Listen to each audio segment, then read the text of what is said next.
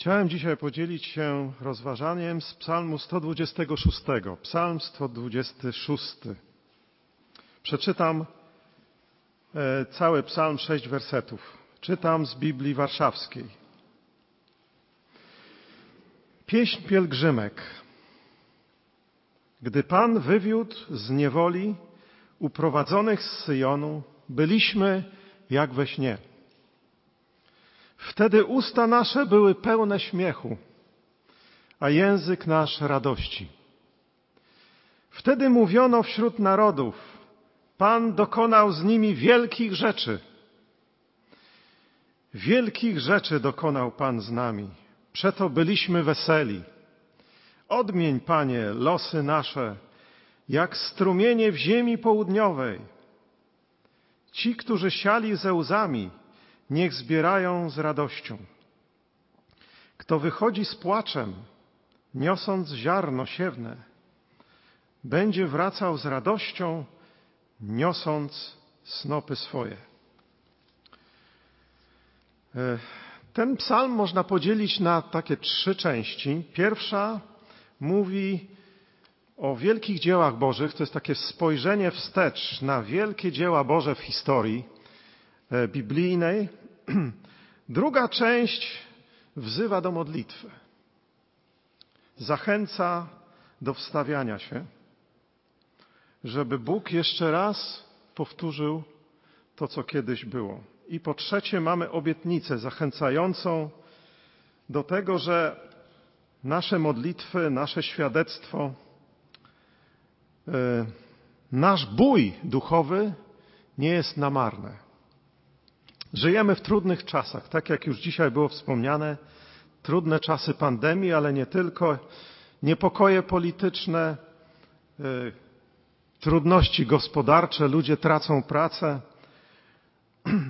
W mojej branży 26 tysięcy pracowników straciło pracę na przykład. Zdrowotnie ludzie mają lęki, boją się, boją się choroby, boją się śmierci jak nigdy wcześniej. Politycznie mamy różne rozruchy, mamy kłótnie, mamy podziały. A ponadto, oprócz tego, że ludzie niewierzący się biją, to również chrześcijanie dają się wciągnąć w różne rozgrywki, potyczki słowne w internecie i tak dalej, i tak dalej. To jest nasza sytuacja obecna. Nie tylko w naszym kraju, ale w Europie, na świecie, tak jak nigdy ludzie zaczęli się nienawidzieć ponieważ spoglądają w ekran i wszystko wiedzą. Ale ten psalm zachęca nas, abyśmy spojrzeli wstecz na wielkie dzieła Boże. O czym tutaj jest mowa? Gdy Pan wywiódł z niewoli uprowadzonych z Syjonu, byliśmy jak we śnie. Wtedy usta nasze były pełne śmiechu, a język nasz radości. Wtedy mówiono wśród narodów, Pan dokonał z nimi wielkich rzeczy wielkich rzeczy. O czym to mówi psalmista? Ano mówi o niewoli babilońskiej, kiedy Izraelici, ponieważ grzeszyli, zdradzali Boga, popełniali bałwochwalstwo, zostali wygnani do niewoli babilońskiej na 70 długich lat. Był to czas upodlenia, czas upokorzenia, czas tęsknoty za Jerozolimą, za Izraelem. A dla tych ludzi e, ziemia, święte miasto Jerozolima było czymś więcej niż dla nas ojczyzna, dlatego że tam Bóg sam objawiał się w tej świątyni. I w tych siedemdziesięciu latach upokorzenia, biedy, nędzy duchowej, fizycznej, e, ludzie zaczęli wołać do Boga. Zaczęli modlić się i w wyniku tego wołania narodów niewoli Bóg pobudził wielkiego władcę tamtejszych czasów, Cyrusa, króla perskiego, żeby wydał edykt do powrotu. I tenże Cyrus kazał Izraelitom wracać z powrotem i odbudowywać świątynię. To było coś niesamowitego. To było tak nieprawdopodobne, że tutaj jest napisane, byliśmy jak we śnie. Byliśmy jak w jakimś świętym ujesieniu, w ekstazie.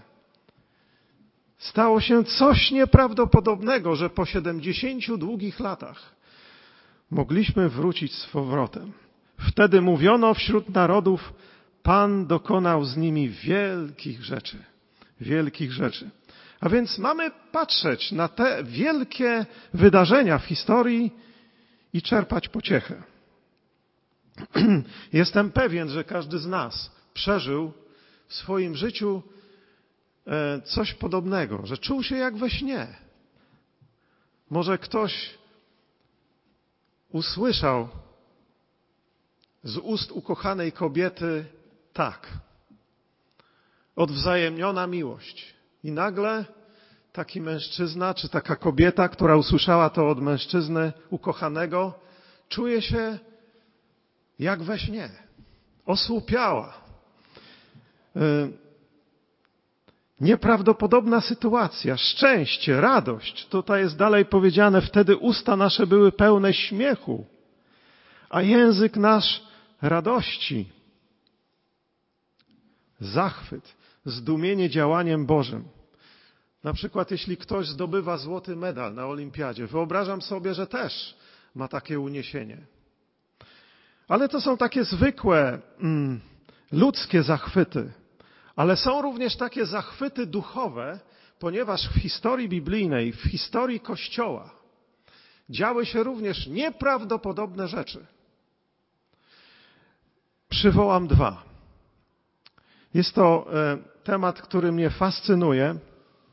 Przebudzenia, które działy się w historii ludzkości, w historii Kościoła, są czymś wielkim. Na przykład w latach 1830 w Ameryce, to były czasy mniej więcej powstania listopadowego w Polsce, e, był taki wielki ewangelista amerykański, który został w potężny sposób użyty przez Boga, aby nawróciło się przez niego setki, tysiące ludzi w Ameryce.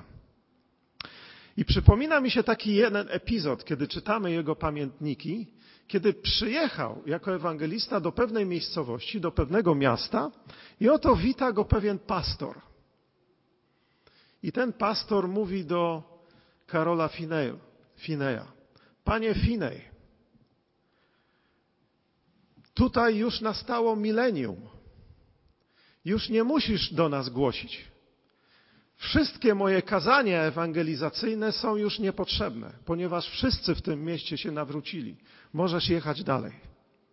Oto mała migawka wydaje się dla nas nieprawdopodobna, ale takie rzeczy działy się w historii człowieka i one mogą się powtórzyć. I do tego nas zachęca Biblia poprzez na przykład taki psalm. Albo jeszcze jedna historia, też z USA, z roku 1857 roku zaczęła się bardzo niepozornie. Od małego spotkania modlitewnego w centrum Nowego Jorku na Manhattanie. Zmęczony człowiek, który już stracił nadzieję, że cokolwiek się w kościele zmieni. Czasy epidemii, cholery, biedy, e, upadku giełdy, upadku gospodarki amerykańskiej i tak dalej. I to właśnie wtedy od tego niepozornego spotkania modlitewnego zaczął się szerzyć ogień Ducha Świętego na całe Stany Zjednoczone. Było to jedno z największych przebudzeń, jakie kiedykolwiek w Stanach Zjednoczonych było, które wywarło niezatarte piętno e, na świadomości tamtego narodu. E, w ciągu półtora roku nawróciło się jeden milion osób. Milion osób narodziło się na nowo w ciągu półtora roku.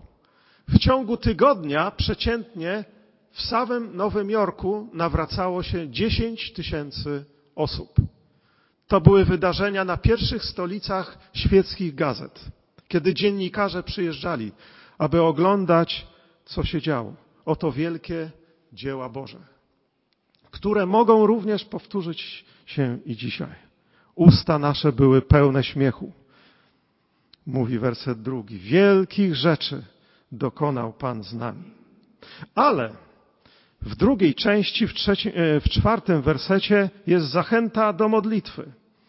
Odmień, Panie, losy nasze jak strumienie w ziemi południowej, woła psalmista. Zachęca, sam się modli i zachęca nas do modlitwy. Tutaj mamy obraz spieczonej słońcem pustyni Negev. Ziemia południowa, ziemia na południe Izraela, gdzie temperatura dochodzi do 48 stopni Celsjusza, gdzie są kamienie, skały, piasek, kratery, e, posłucha, strasznie gorąco. I właśnie w takiej sytuacji podczas jesieni zaczyna padać deszcz. W porze deszczowej spada go tyle, że koryta rzek na tej pustyni wypełniają się rwącymi strumieniami. Rzeki. Rzeki płyną i na pustyni pojawia się życie, roślinność. I właśnie to jest obraz e, tej pustyni, która kieruje nas wzrok na duchową pustynię, która jest wokół nas. Niemoralność. E, ludzie łamią Boże prawo.